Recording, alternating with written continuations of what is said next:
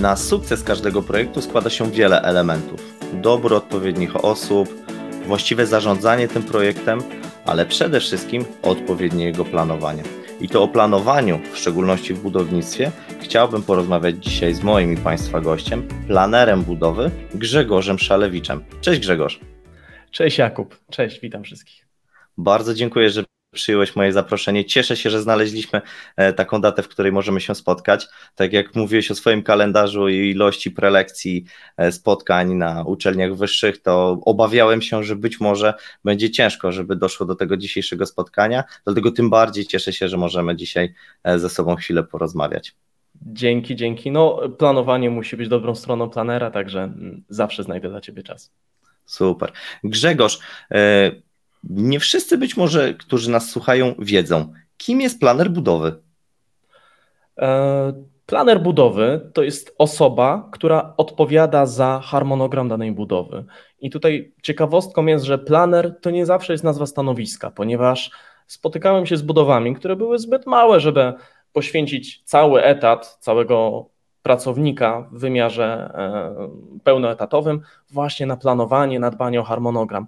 Wówczas planerem jest po prostu inżynier budowy albo kierownik budowy, który ogarnia ten harmonogram i w ramach tego swojego czasu pracy po prostu wypytuje po kolei wszystkich o progres robót, wprowadza go do harmonogramu i sprawdza, czy generalnie budowa idzie tak, jak zaplanowano, a przed tym pomaga w zaplanowaniu budowy. Idealnie, gdy to zaplanowanie budowy dzieje się w fazie przed jej rozpoczęciem.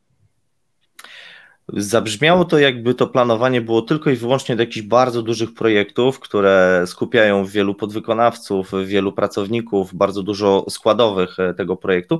Czy tak jest naprawdę, czy to planowanie, tak, czy, czy to planowanie jest potrzebne w innych budowach również, w mniejszych? Czy to planowanie jest potrzebne każdemu, czy tylko w dużych firmach? Nie no, zdecydowanie zaplanowana powinna być każda budowa. E, pozornie mogłoby się nam wydawać inaczej, ponieważ te proste, małe budowy zazwyczaj, mm, no właśnie, wydają się proste i nie muszą być planowane i czasami faktycznie się udaje. Natomiast dobrą praktyką i przepisem na sukces, szczególnie w czasie, gdy e, na tym naszym rynku budowlanym ciężko zakontraktować ad hoc firmę, która wykona jakieś roboty, trzeba mieć wszystko zaplanowane, roboty muszą być zakontraktowane, czyli zamówione i podpisane w formie umowy wcześniej. Wszystko musi być zaplanowane i owszem, na pewno znamy historię o tym, a bo ja zbudowałem osiedle domków jednorodzinnych, żadnego harmonogramu nie potrzebowałem, wszystko miałem o w kajecie czy o w Excelu, ale zazwyczaj to jest kwestia szczęścia i tego, że nie wydarzyło się nic, nie spełniło się żadne z ryzyk e, w formie zagrożenia. E, I i w zasadzie uważam, że taki harmonogram w MS Project to jest takie absolutne minimum. Niech on ma 80 zadań, 100. To nie jest naprawdę dużo, e, ale każda, absolutnie to każda budowa większa niż remont bliźniaka powinna mieć harmonogram. Wspomniałeś o MS Project. Odważę się na określenie, że jesteś na polskim rynku ewangelistą tego, w jaki właściwy sposób należy planować budowę.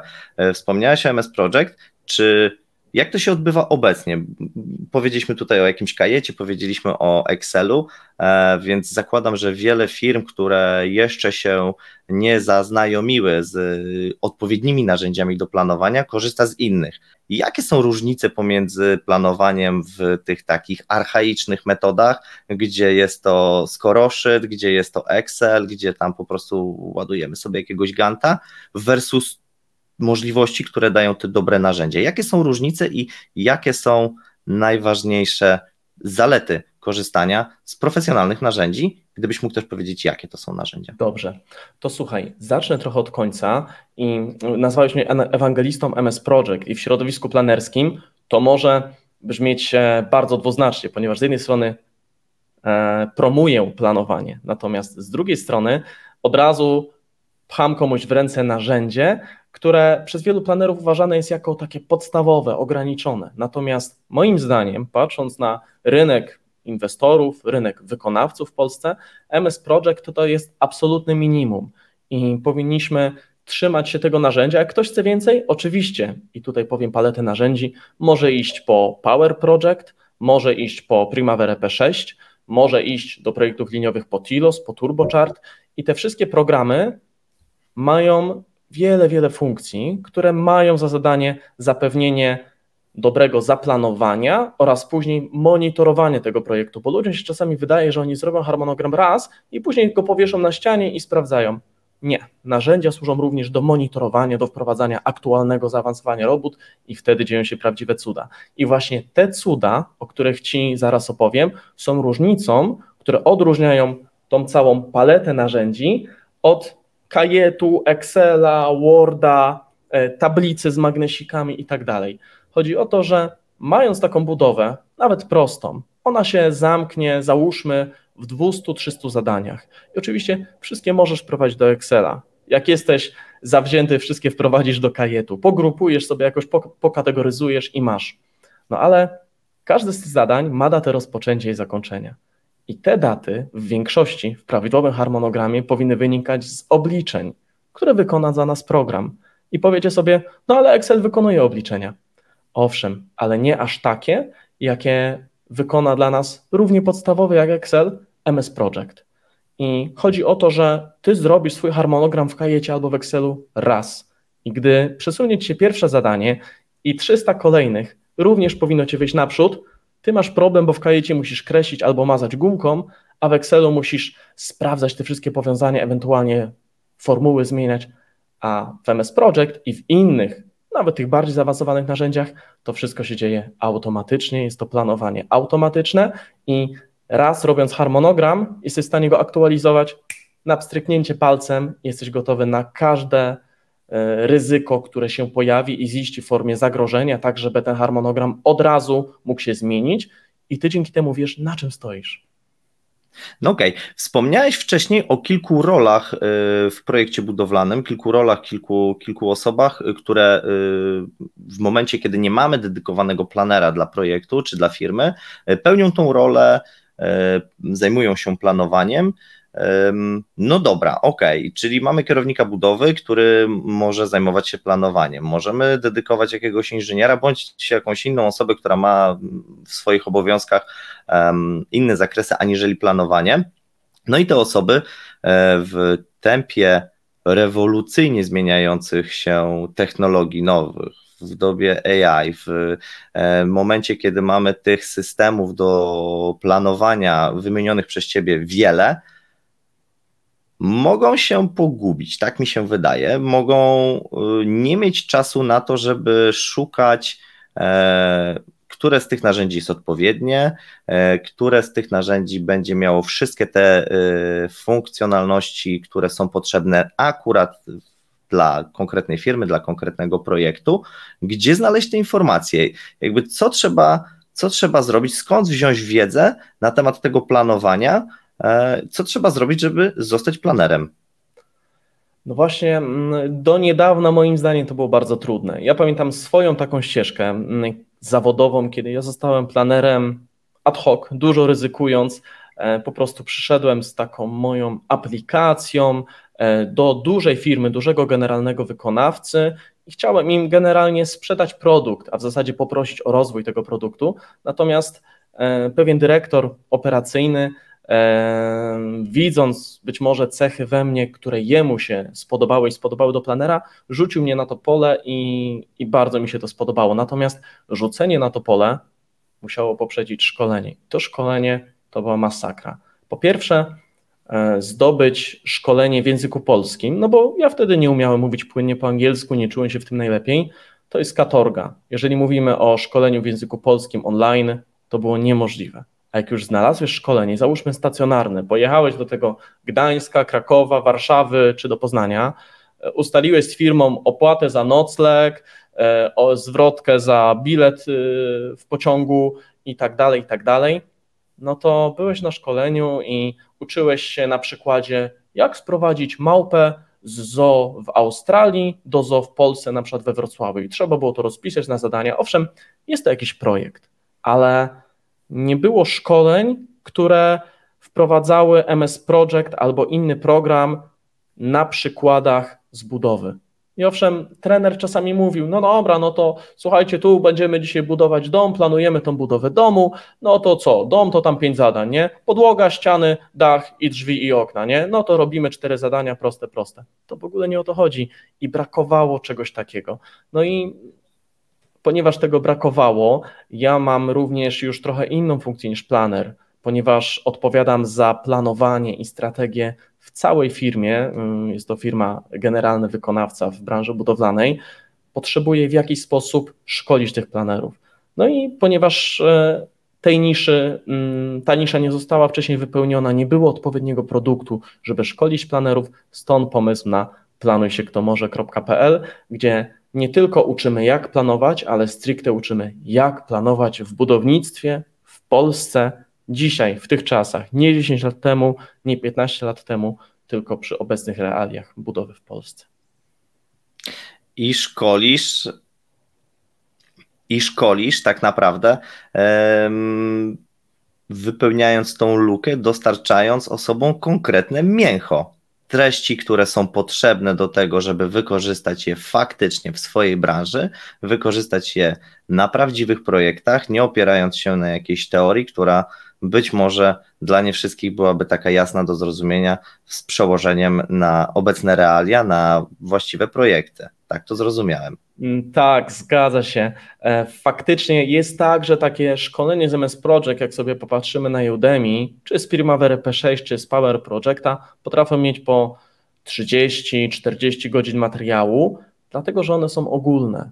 I ja oczywiście chciałbym, żebyśmy wszyscy umieli te programy na wylot, żebyśmy umieli zrobić w nich wszystko, żeby te nasze projekty w branży budowlanej były dopięte na ostatni guzik.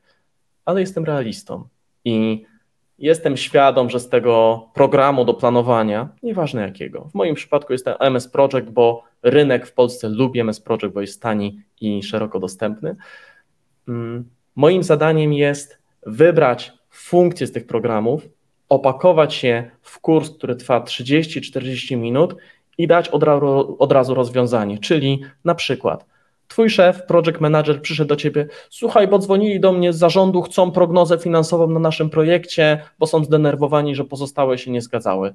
I na coś takiego jest rozwiązanie, cyk, 40 minut kursu i generalnie w jeden dzień za pierwszym razem jesteś już w stanie to zrobić. Innym przykładem są, jest tworzenie prostych raportów w harmonogramie, e, gdzie klient przychodzi i on ma takie poczucie, że on nie wie, co się dzieje na budowie, prosi o lepsze raporty, jakieś wykresy, no i jest kurs, jak zrobić te jakieś wykresy z MS Project, tak żeby nikt nie miał wątpliwości. No i właśnie chodzi o to, żeby z tego ogromu funkcji wyłuskać starannie te 5-10 funkcjonalności, które przydadzą się na polskiej budowie.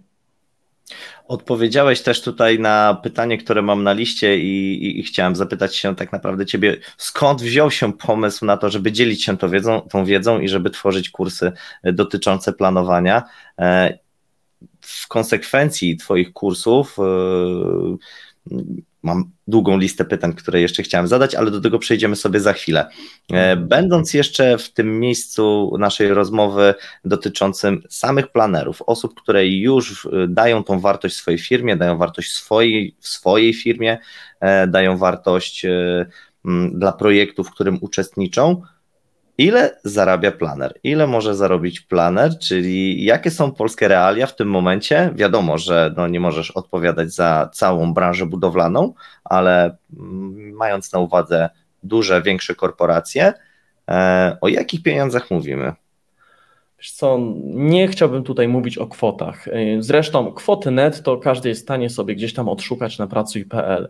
Natomiast e, czy tam na innym portalu. Natomiast jestem przekonany, że e, inżynier budowy, który na starcie pokaże certyfikat e, skorzystania z MS Project, będzie w stanie opowiedzieć o tym w 10 zdaniach i pochwali się minimalnym doświadczeniem w tym temacie, myślę, że spokojnie może prosić o 10-15% więcej na samym początku niż e, było wskazane w widełkach e, na pozycję, o którą się ubiegał, ale ja bym tak zrobił dzisiaj. Z kolei e, ja planerem byłem w 2018 i 2017 roku jako, jako pierwszy raz i Wtedy pamiętam, że zarabiając taką standardową stawkę godzinową jako inżynier budowy tuż przed tym okresem, czyli to było coś koło 12-13 zł na godzinę, to to był dla mnie przeskok do 30-40 zł za godzinę, jak tak sobie liczyłem te kwestie etatowe i to była dla mnie podwyżka rzędu, no jak widzicie tutaj nawet e, dwukrotnie i więcej. Także e, wydaje mi się, że dobry planer, fachowiec może również ubiegać się o takie pieniądze, ale do tego trzeba wiele budów, doświadczenia i takiego już ukierunkowania na to. Ale jeżeli chcesz szybko mieć korzyść, to kurs i myślę, że od razu jest to duży plus w Twojej karierze. Jak dużo czasu zajęło Tobie przejście od momentu, kiedy pomyślałeś o tym, żeby dzielić się tą wiedzą, żeby stworzyć te kursy, do momentu realizacji? Czy to był długi proces, czy jednak y, miałeś jakieś wahania, zawahania, stało coś na przeszkodzie tego, żeby się tym zająć? Znaczy, generalnie zapędy do tłumaczenia czegoś ludziom, do strukturyzowania czegoś, co jest nieuporządkowane, mam od zawsze i zawsze chciałem część tej mojej kariery pchać w tym kierunku, w takim kierunku y, może nawet nie dzielenia się wiedzą, ile uporządkowywania tego, co jest, tak jak wspomniałem, bałaganem. Natomiast pierwsze myśli u mnie pojawiły się tak naprawdę w czasie pandemii, natomiast. Mm, nie czułem, że jestem na to gotowy. Teraz, gdy przestałem być planerem, project planerem, co się wydarzyło no, półtorej roku temu, prawie dwa, e, nosiłem się z tym pomysłem, ale nie wiedziałem, jak się za to zabrać. I tak naprawdę ten pomysł cały czas za mną chodził, zaczął mnie bardzo męczyć i pomyślałem, że ja muszę to zrobić, ale nie mam już czasu. Kiedyś miałem, teraz rodzina, dzieci, e, praca na trochę bardziej odpowiedzialnym stanowisku niż wcześniej. No i pomyślałem, że zrobię to za wszelką cenę, ale muszę ten mój czas ograniczyć do minimum, ten czas, który na to przeznaczę. Dlatego też szukałem od razu rozwiązania, które pozwoli mi tylko nagrać, a całą resztę, consulting dotyczący marketingu, kogoś, kto mnie nauczy robić filmy na YouTubie, kogoś, kto pomoże mi tworzyć e, treści, żeby one były proste w przekazie, bo czasami człowiek może się rozpisać za bardzo. Kogoś, kto ogarnie, jak dotrzeć do tej grupy docelowej. Chciałem to jak najbardziej outsourcować. No i dopiero teraz miałem takie możliwości, bo znalazłem odpowiednie narzędzia. Bez wątpienia jesteś osobą, która w bardzo krótkiej, merytorycznej wypowiedzi potrafi zawrzeć bardzo dużo mięcha, wspomnianego już tutaj wcześniej, bardzo dużo informacji. Jest to niepodważalnie dobra reklama e, Twoich kursów, ze względu na to, że e, w tej wypowiedzi odpowiedziałeś na kilka moich kolejnych pytań, które przygotowałem sobie i mam tutaj e, przed sobą między innymi to, dlaczego MyVOD? Jakby powiedziałeś już o tym, że znalazłeś partnera, który może pomóc Tobie w realizowaniu monetyzacji swojej wiedzy, w realizacji nie tylko sprzedaży kursów, ale tych elementów, o których powiedziałeś przed chwilą. Um, więc zadam Tobie może inne pytanie. Wybrzmiała już częściowo odpowiedź y, na nie w, naszej w Twoich wypowiedziach wcześniejszych, w naszej rozmowie. Niemniej jednak sam mam doświadczenia z branży budowlanej, e, z którą byłem bardzo związany przez wiele lat swojego życia zawodowego. E, sam mam wiele osób z bliskiego swojego grona, które e, w tej branży w dalszym ciągu pracują. Poznałem chłopaków, którzy w dalszym ciągu pewnie są w tym miejscu, w którym byli, kiedy pracowaliśmy jeszcze razem. Grzegorz, co byś powiedział takim ugeneralizujmy to osobom, takim chłopakom, takim dziewczynom, które pracują w tym momencie na budowie, biegają gdzieś tam z tą tyczką, borykają się z trudnościami, które e, wynikają z takiej profesji e, i cały czas w głowie są zawalani informacjami na temat możliwości przebranżowienia się, możliwości zwiększenia swoich kompetencji i szukają tego złotego grala, polepszenia sobie swojego życia zawodowego. Dwie rady dla osób, które związane są z branżą budowlaną, kochają ją, chcą w niej w dalszym ciągu się rozwijać, ale chcą sprofesjonalizować swoją ścieżkę zawodową e, i być może przestać jeździć w delegacje, być może przestać siedzieć gdzieś w biurze budowy w szczerym polu, tylko pracować w dużo bardziej przyjemnych warunkach. Czy... Dwie rady.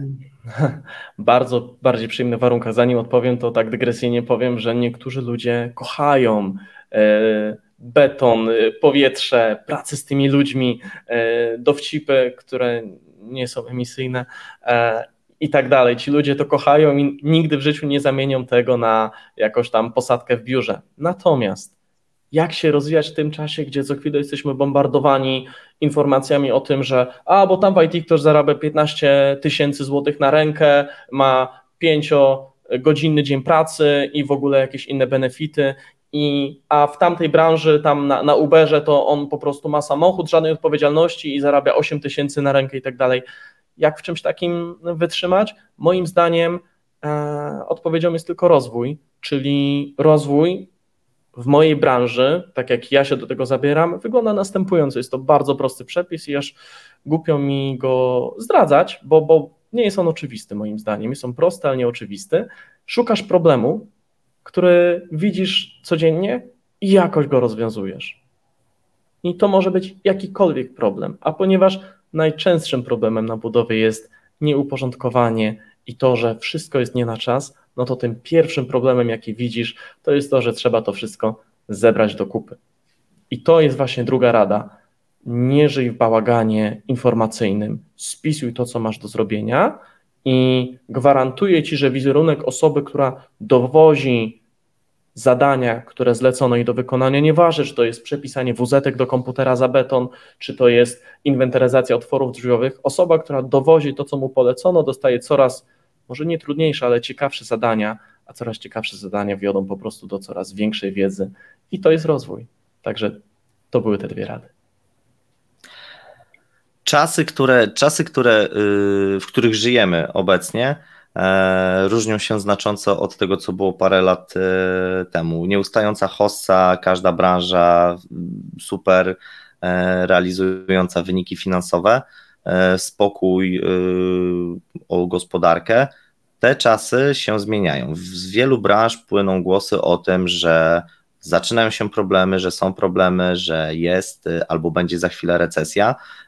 Wydaje mi się, że w branży budowlanej również tego typu głosy się pojawiają, jestem o tym pewny. Wiedzieliśmy już sobie o tym, jakie wartości płyną z planowania, niemniej jednak jak to się przekłada faktycznie na finanse? Kontrola y, pracowników, harmonogramu, czasu, w jaki mhm. sposób panowie mi pomoże? No, po pierwsze, zgadzam się z Tobą, że gospodarka i każda jej z gałęzi podlega cyklom.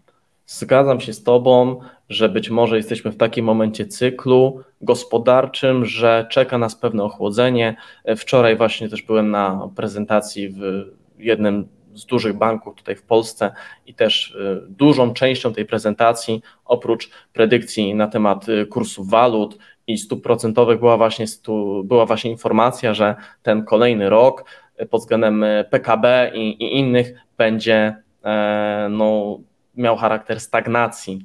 E, I to jest właśnie czas, kiedy ciasne zaplanowanie wszystkiego jest istotne, no bo wyobraź sobie, że masz firmę budowlaną, masz na co dzień tak, tak standardowo 10 budów, czyli masz 10 PM-ów, 10 kierowników budów, chmarę inżynierów e, budów i takich kierowników robót branżowych, czyli na przykład e, kierowników e, sanitarnych, elektrycznych i tak dalej.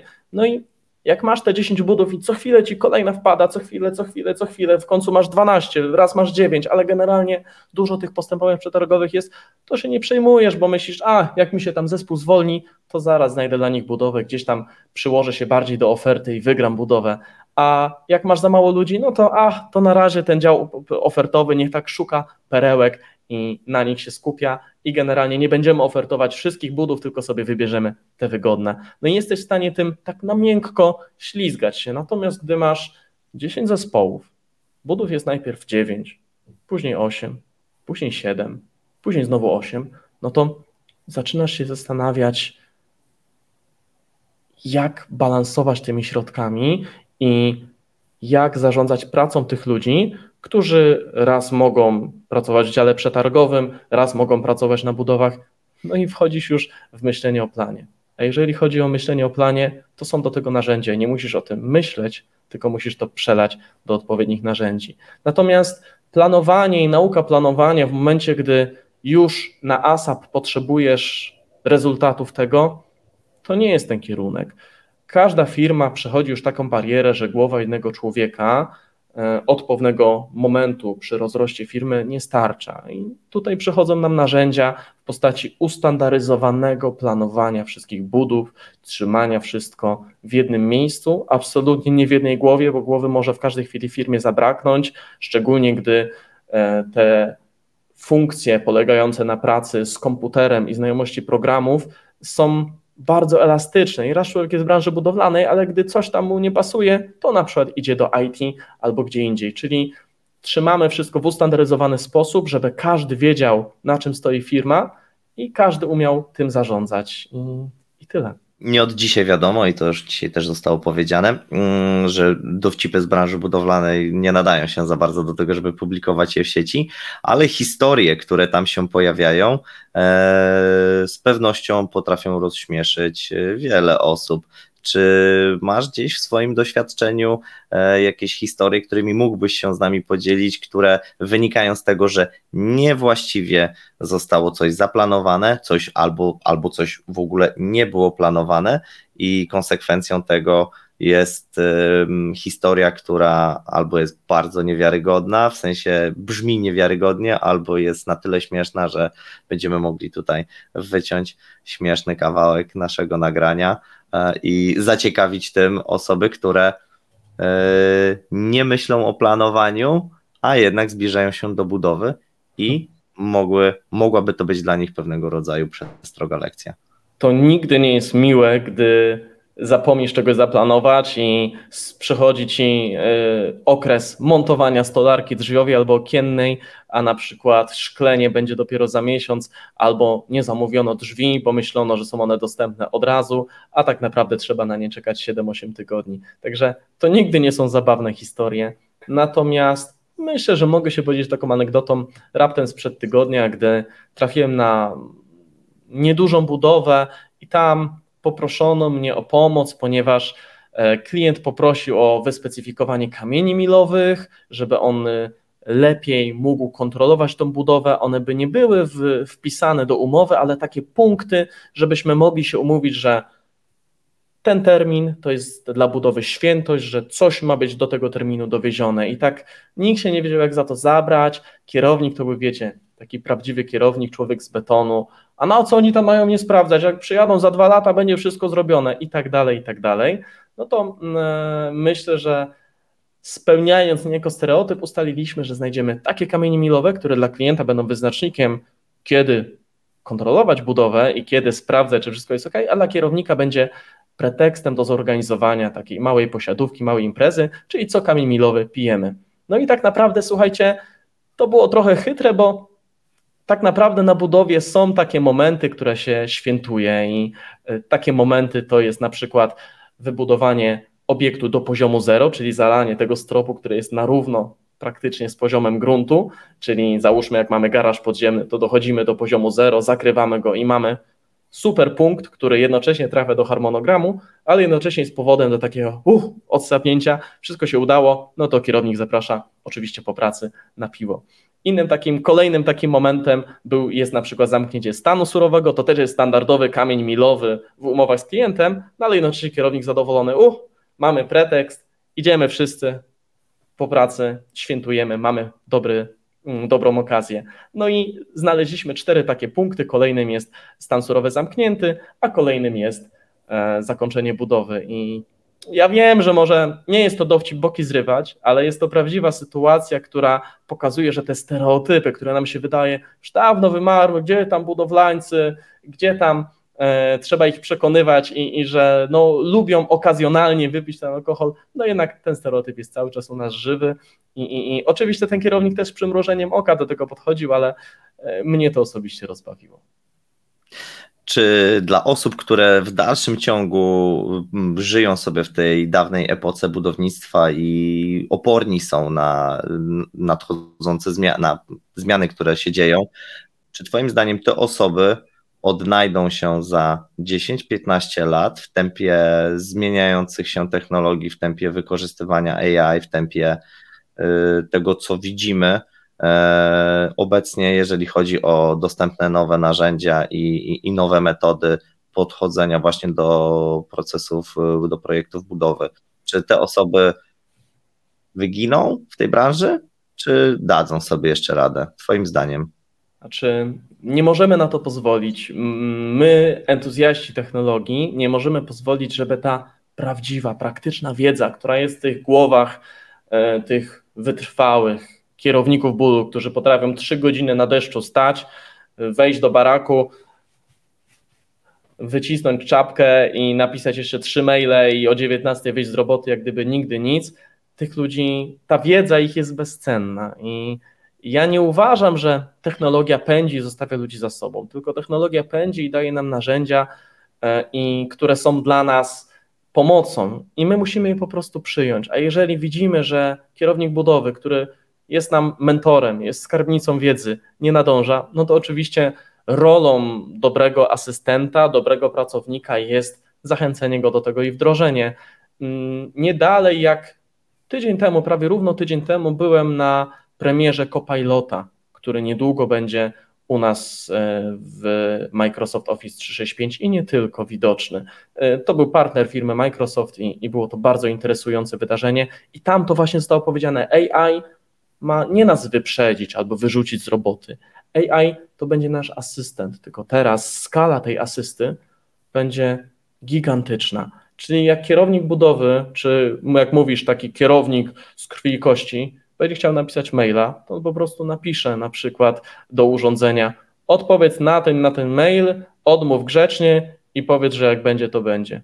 I ten copilot to zrobi, tylko trzeba tych ludzi pchnąć w tym kierunku, wyszkolić i myślę, że nie będzie problemu, że technologia kogoś wyprzedzi. Aczkolwiek faktycznie korzystanie z technologii jest gigantyczną przewagą, w szczególności dla młodych ludzi, którzy chcą wypracować jeszcze tą swoją pozycję, jeszcze jej nie mają, no to korzystanie z technologii, śledzenie jej i zabieganie o możliwość korzystania z niej jest niezbędnym elementem kariery, moim zdaniem, dzisiaj. Z Twojego punktu widzenia, z Twojej obserwacji, osoby, która jest cały czas w branży i, i zajmuje się zawodowo właśnie nowymi technologiami w branży budowlanej, bo tak można by było chyba określić e, Twoją rolę. Tak. E, czy zakładam, że duże korporacje z branży budowlanej E, wiedzą to, co powiedziałeś przed chwilą, ale czy polskie firmy, średnie przedsiębiorstwa, które od wielu lat działają, być może są po jakiejś sukcesji i w tym momencie są już w rękach kolejnego pokolenia e, właścicielskiego, są świadome tego? Czy widzisz zainteresowanie zwiększaniem tej swojej wiedzy, zwiększaniem e, informacji i usprawnianiem tej swojej pracy, tak żeby pracować wydajniej, żeby pracować zgodnie z wszystkimi obecnymi trendami, czy jeszcze jesteśmy trochę za zachodem, jak to się bardzo często mówi, ale czy, czy, czy, czy my nadążamy w Polsce? Jakie jest Twoje zdanie? No, ja mam taki przywilej, taką możliwość, że mogę obserwować to na takim żywym organizmie, ponieważ pracuję w firmie CFE Polska i tam właśnie zajmuję się wdrażaniem tych technologii. Poza tym, oczywiście, planuję, zajmuję się strategią, linem i tak dalej. Natomiast nieodzownym elementem jest właśnie korzystanie z technologii. I przyznam szczerze, że my, jako duży generalny wykonawca, odrobiliśmy to zadanie domowe i jestem prawie pewien, że gdybyś, e, Jakubie, przyszedł do nas na wycieczkę do firmy, byśmy Ci pokazali tematy dotyczące modelowania 3D, wizualizowania tego modelowania na żywo na placu budowy za pomocą odpowiednich sprzętów, e, jak również temat dotyczący obiegu informacji w firmie, to, że te wszystkie informacje są wizualizowane w Power BI, dostępne od zaraz, że ludzie, którzy są związani z jakimikolwiek zakupami, od razu mają też informacje na temat podobnych zakupów na innych budowach, aktualnych poziomów cen i tak dalej, i tak. E, bez wątpienia taka rewolucja się dzieje i moim zdaniem idealnymi przedsiębiorstwami do tego są średnie przedsiębiorstwa, ponieważ te duże przedsiębiorstwa to jest trochę bezwład, to jest trochę za dużo szczebli, e, które muszą podejmować decyzje i niestety to może trochę nie nadążać, ale to jest moje osobiste zdanie. E, średnie przedsiębiorstwa mają już na to budżet, przekraczają ten próg opłacalności i mają szybką decyzyjność. Mogą bardzo łatwo, bardzo szybko podejmować decyzje na temat wdrożeń i to jest też super. No a małe firmy to już zależy. Moim zdaniem nie ma decyzji co do małych firm, ponieważ mała firma albo jest innowacyjna, no albo albo nie i ma jakiś swój sposób na zarabianie, nie potrzebuje jeszcze tej innowacyjności, albo nie wie, że jej potrzebuje. Ale moim zdaniem wydaje nam się, jeszcze żyjemy tym stereotypem branży budowlanej, ale jest ona bardzo innowacyjna. Ja sam siebie zadziwiam e, w swojej pracy tym, ile można tych innowacji jeszcze upchnąć w średnim przedsiębiorstwie. Nawet nie wiesz, jak ja bardzo się cieszę słysząc takie słowa i e, od ciebie otrzymując informację, że nie jest źle, idziemy w dobrym kierunku i faktycznie tutaj być może e, wiele osób, wiele firm będzie mogło się e, od naszego rynku tutaj uczyć i patrzeć na to, w jaki sposób należy to prawidłowo robić. OK, mówiliśmy o dużych firmach, o dużych projektach, gdzie no biznesem jest cashflow na poziomie pewnie paru dziesięciu albo paru set milionów złotych rocznie. E, żyjemy w takich czasach, że e, każda budowa e, dla każda budowa już jest dużym wydatkiem. I e, mówiąc tutaj o budowie nawet domu jednorodzinnego, musimy liczyć się z tym, że mm, tej kasy potrzebujemy sporo, tych środków potrzebujemy sporo. E, dla wielu osób e, no, ten harmonogram, ten projekt musi być zapięty na zapałkę ze względu na to, żeby spokojnie sobie móc do tego domu się przeprowadzić i cieszyć się możliwościami, które sobie przygotowaliśmy. Czy Twoje kursy, czy wiedza, którą Ty się dzielisz w internecie, również jest dla takich osób? Czy e, chcąc wybudować dom, e, warto, żebym jednak pogadał z Grzegorzem Szalewiczem, dowiedział się, na co zwrócić uwagę, żebym e, zaplanował tą swoją budowę, wiedząc w jaki sposób, tak, żeby nie rozjechał mi się budżet, żeby nie rozjechał mi się harmonogram, e, żebym, tak jak powiedziałem przed chwilą, szczęśliwie mógł się przeprowadzić do tego domu i e, cieszyć się e, nowymi przestrzeniami, nowym swoim światem. Czy również, Grzegorz, to jest Twoja wiedza jest tylko i wyłącznie dla dużych firm, czy dla małych, jednoosobowych podmiotów, które, małych rodzin, które planują swoją budowę? Z pewnością e, jest nisza, którą planuję wypełnić, tworząc bardzo proste narzędzie do planowania budowy domu. To będzie narzędzie oparte o wszystkim znanym e, nam e, słuchaczom również program.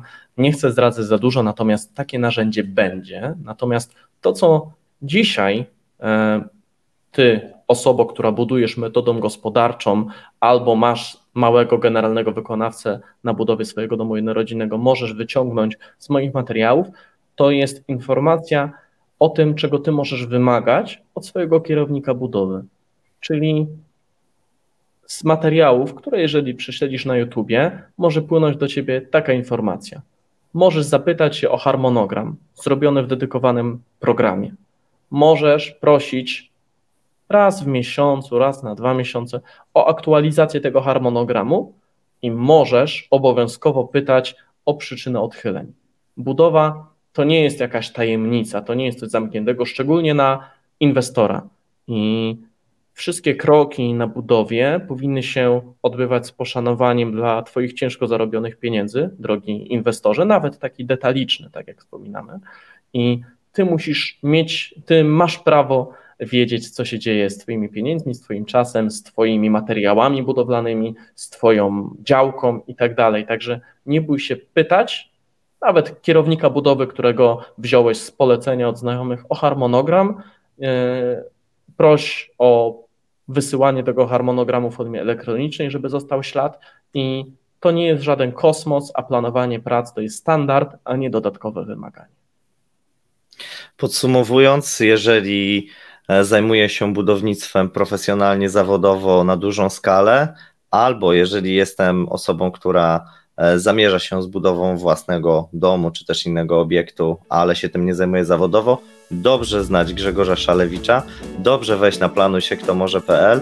Ja to szczęście mam, bo się z Grzegorzem miałem okazję poznać przy okazji MyVOD, w którym pracuję na co dzień i zajmuję się naszą platformą do publikowania i monetyzowania swojej wiedzy za pośrednictwem sprzedaży kursów.